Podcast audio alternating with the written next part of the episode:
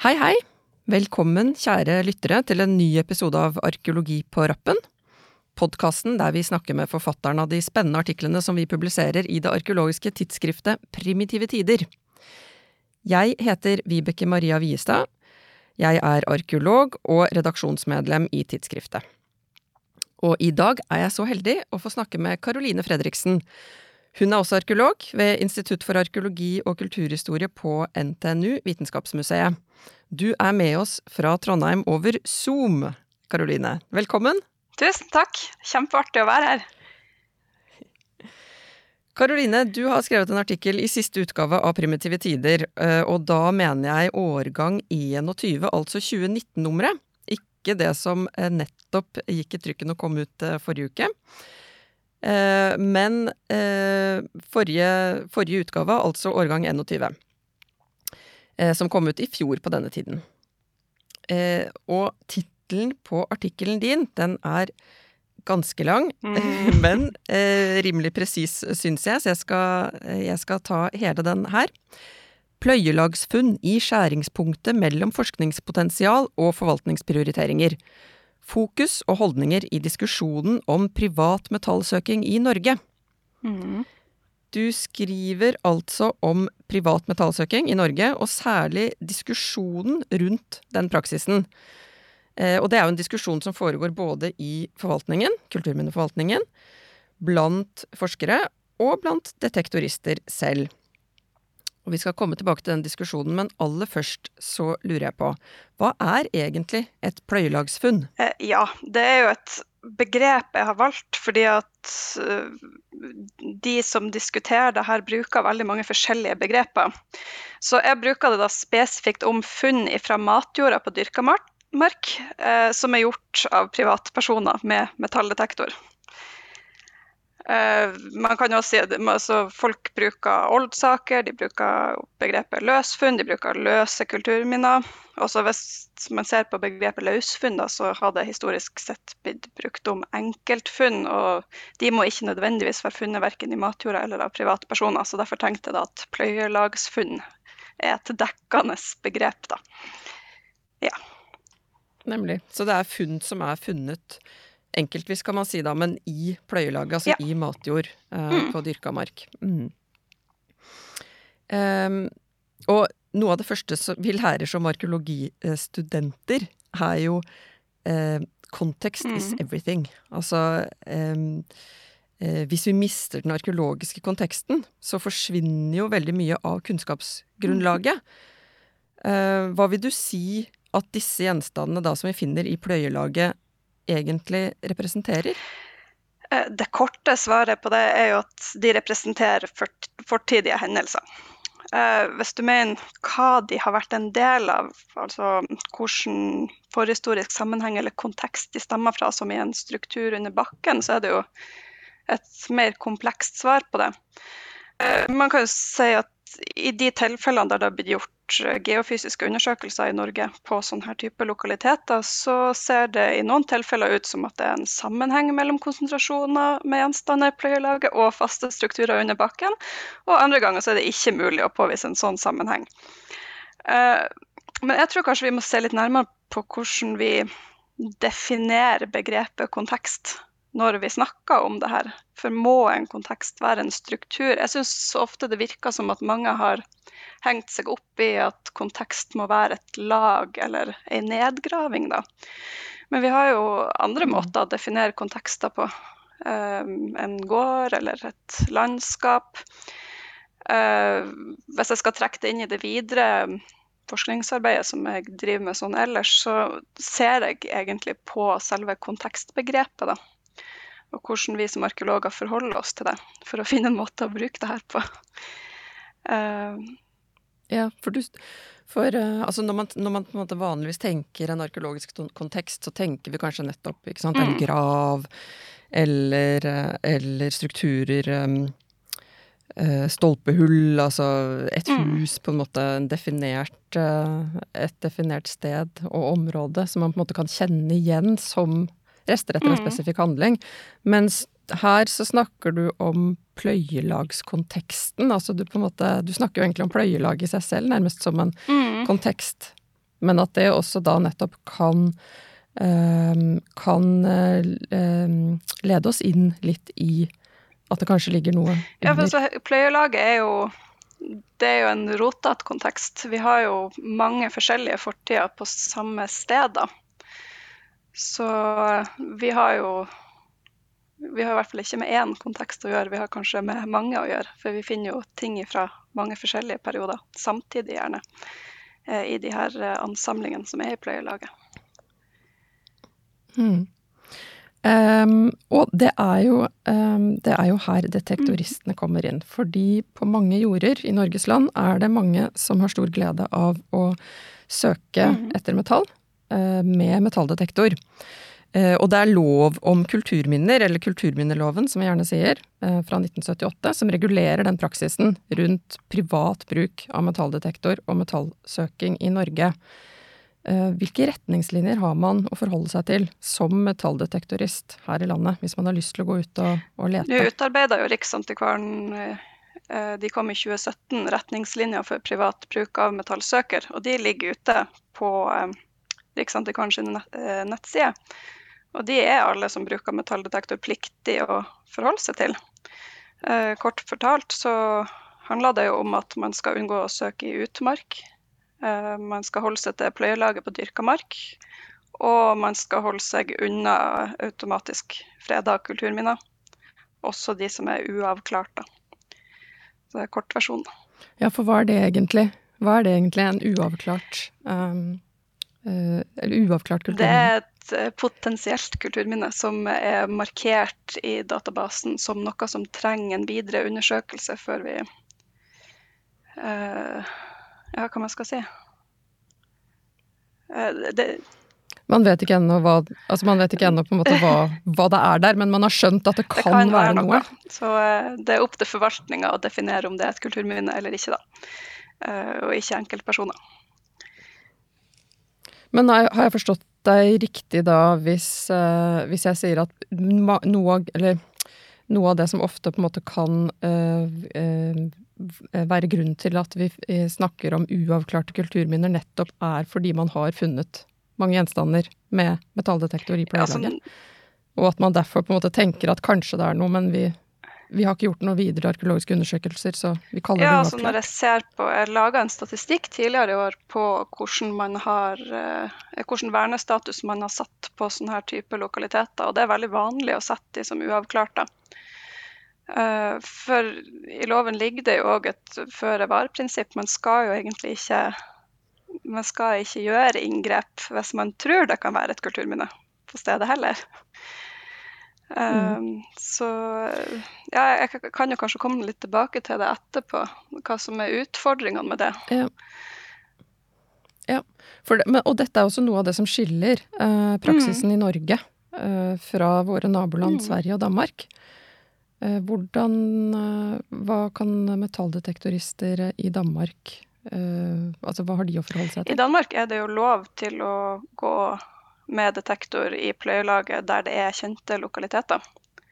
For sånn som det er i Norge, da, så regnes jo pløyelaget som en del av lokaliteten. Selv om den er omrota, og selv om jordbruk har lov å fortsette der som før. Det er jo på en måte det som er kjernen i den norske diskusjonen. det er at uh, selv om plogen kan fortsette å ødelegge, eh, så er det ikke lov for noen andre å gripe inn der. Det er på en måte gjort et unntak fra loven. Mens det er den store forskjellen i Danmark. Så der kan man fortsette å gå med detektor over flere år på lokaliteter der man vet at man vil finne funn. Så der har man det har kommet litt ny forskning de siste årene som viser at man har fått et ganske godt statistisk eh, grunnlag for å kunne si noe om de her danske lokalitetene da, ut ifra funnene alene. Mm. Um, du skriver i artikkelen din at formålet med artikkelen er å identifisere ulike fokus og holdninger i den faglige diskusjonen rundt dette med privat metallsøking, og at det er forhold som omfatter både forskningsrelaterte spørsmål og forvaltningen. Og i artikkelen så tar du for deg faglitteraturen, rett og slett, som har blitt publisert eh, på dette de siste årene. Og vi skal ikke gå inn i artikkel for artikkel i detalj her, men hva mener du har vært ansett som de største utfordringene ved den private metallsøkingen i Norge? Den største utfordringa er nok å avklare forholdet mellom funn i pløyelaget og om det er automatisk freda kulturminner der. Og Samtidig så ligger det òg en stor utfordring i forholdet mellom såkalt in situ-bevaring og videre eh, unnskyld, jordbruksdrift eh, på sånne lokaliteter der det eneste kildematerialet vi har, nettopp er de her gjenstandene. Eh, det er i hvert fall sånn jeg ser det. da. Eh, det har også blitt diskutert eh, hva som er omfanget av uærlig metallsøking. For det er òg en del gråsoner her. Men det trenger vi egentlig ikke å gå inn på, for det er ikke en så stor del av diskusjonen sånn sett. Mm. Men øh, øh, du skisserer på en måte to ulike mm. perspektiv. Øh, eller hovedretninger på hvordan fagfolk, eller arkeologer, da, forholder seg til disse løse kulturminnene i pløyelagskonteksten. Eh, og der er jo nettopp noe av kjernen i, de, i diskusjonen også, ikke sant. Hva, hva, altså hvordan kan vi på en måte forvalte dette? Skal vi la dem ligge eh, der de er? Eh, og potensielt la de gå til grunne, da? Eller skal vi eh, lete etter dem? Eh, med metalldetektorer, f.eks. Altså for å finne dem og på den måten bevare de. Ja. Um, jeg, dette kommer du også inn på. Hva, hva, er egentlig hovedargumentene for de to ståstedene? Eh, hvis vi skal dele opp i to ståsteder, så kan vi si at det på det ene, ja, i den ene søyla da, så argumenterer man for den potensielle konflikten mellom metallsøking og automatisk freda kulturminner. Mens på den andre sida så argumenterer man mer om altså det rent forskningsmessig, da, den tapen av kunnskap man får pga. videre jordbruksdrift på de her eh, lokalitetene når eh, inngrep som f.eks. metallsøking da blir forbudt. Uh, så er jo ikke den norske diskusjonen egentlig en for og mot metallsøking-diskusjon, sånn som vi har sett internasjonalt i andre land. Der kan debatten være ganske oppheta til tider. Uh, men så er det jo engang sånn da, at vi har de her særnorske problemstillinger pga. Uh, automatisk fredning da, og det tilhørende uh, føre-var-prinsippet. Um, så ja, jeg har på en måte Når jeg skrev artikkelen, så har jeg prøvd å dele spørsmålene litt i gruppe, da.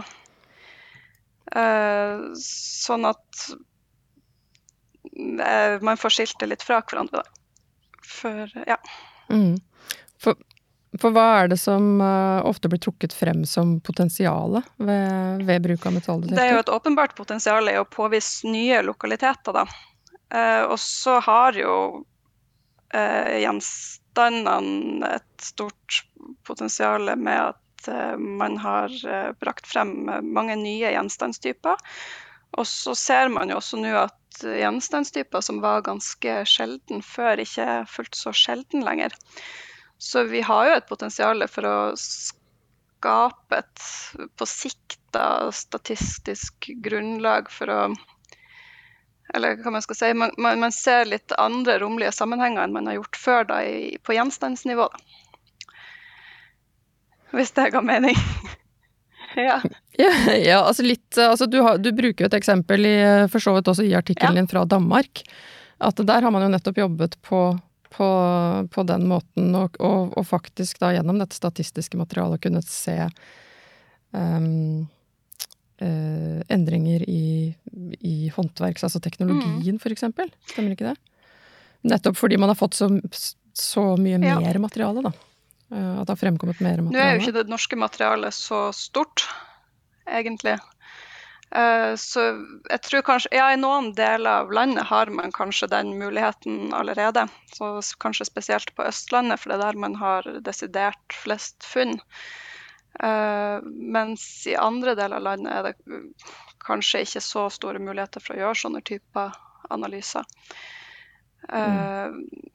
det, så i Norge så handler det kanskje mer, ja, som du sier, om at man potensielt kan finne arkeologiske mm. sites. Uh, som jo selvfølgelig kan uh, altså hvis man da gjør arkeologiske undersøkelser, så kan det bidra til ny kunnskap på den måten. Men da med utgangspunkt i en arkeologisk ja. kontekst. Da. Ja, og så er det jo store, stort potensial for gjenstandsstudier, da. Rene gjenstandsstudier. Mm.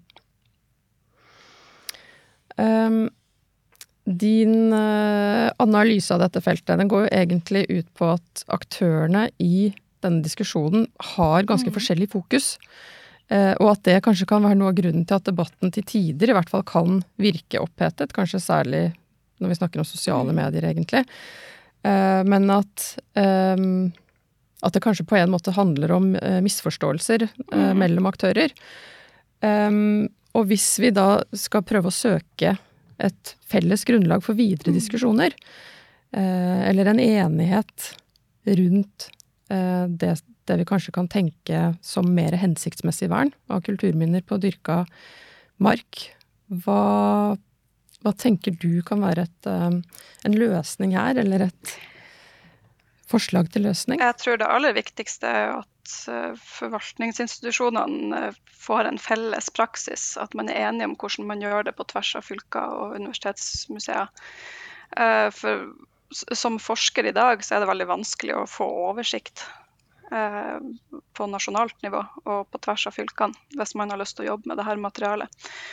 Eh, I tillegg så tenker jeg at et best case-scenario er at vi klarer å skaffe et såpass godt kunnskapsgrunnlag rundt hva det faktisk er vi verner når vi definerer de her lokalitetene som uh, automatisk freda kulturminner. At vi faktisk har noe å forske på. I, I, dag er det mange lokaliteter som er definert på grunnlag av bare noen få spredte gjenstander uten en umiddelbar relasjon til hverandre. Og jeg syns i hvert fall at det er vanskelig å bruke de her lokalitetene til noe som helst. Og så er jeg jo enig i det noen aktører sier, da, i at pløyelagsfunn i mange tilfeller kan være løsrevet deler av automatisk freda kulturminner, som Uh, ja, altså uh, Da skal man jo ikke gjøre inngrep i det, det er greit, men vi vet jo i mange tilfeller ingenting om de her lokalitetene sin, verken art eller omfang. Og Derfor mener jeg personlig at vi må unngå å rutinemessig definere automatisk freda kulturminner når vi faktisk ikke vet hva det er vi freder. Uh, med mindre det er snakk om den, et høyt antall ensarta gjenstandstyper i tett sammenheng. Da. Og da har man jo ganske god grunn til å sette, uh, sette en sånn markering på. At man nærmest setter et, et antall ja, sett... altså, for, å definere så og så mange så kan ja, for det har vært litt det som har vært diskusjoner. Jeg har sett uh, uh, på diskusjonene i forvaltninga så har det vært litt sånn Ja, hvor mange gjenstander skal til uh, før man definerer et kulturminne? Jeg tror man må se på hva, hva slags gjenstander er det man har, i stedet for å ja, rutinemessig definere det som det. Uh, ja. Vi, vi, må bygge kunnskap rundt de her lokalitetene, for ja. Uh, det, det, er viktig hvis vi skal kan lære noe om de òg. Mm. Hvis vi skal Hvis man skal kunne bruke det i, forskninga. Mm. i forskningen som ja. et kildemateriale. Uh, tusen takk, Karoline. Det var veldig fint at du kunne være med oss uh, i dag. Jeg vet at artikkelen som vi har snakket om nå, er en del av et større doktorgradsarbeid. Mm. Eh, som handler nettopp om, eh, om disse løsfunnene og problematikken rundt, eh, rundt, dette. Det blir veldig spennende å følge prosjektet ditt videre. Um, til dere lyttere.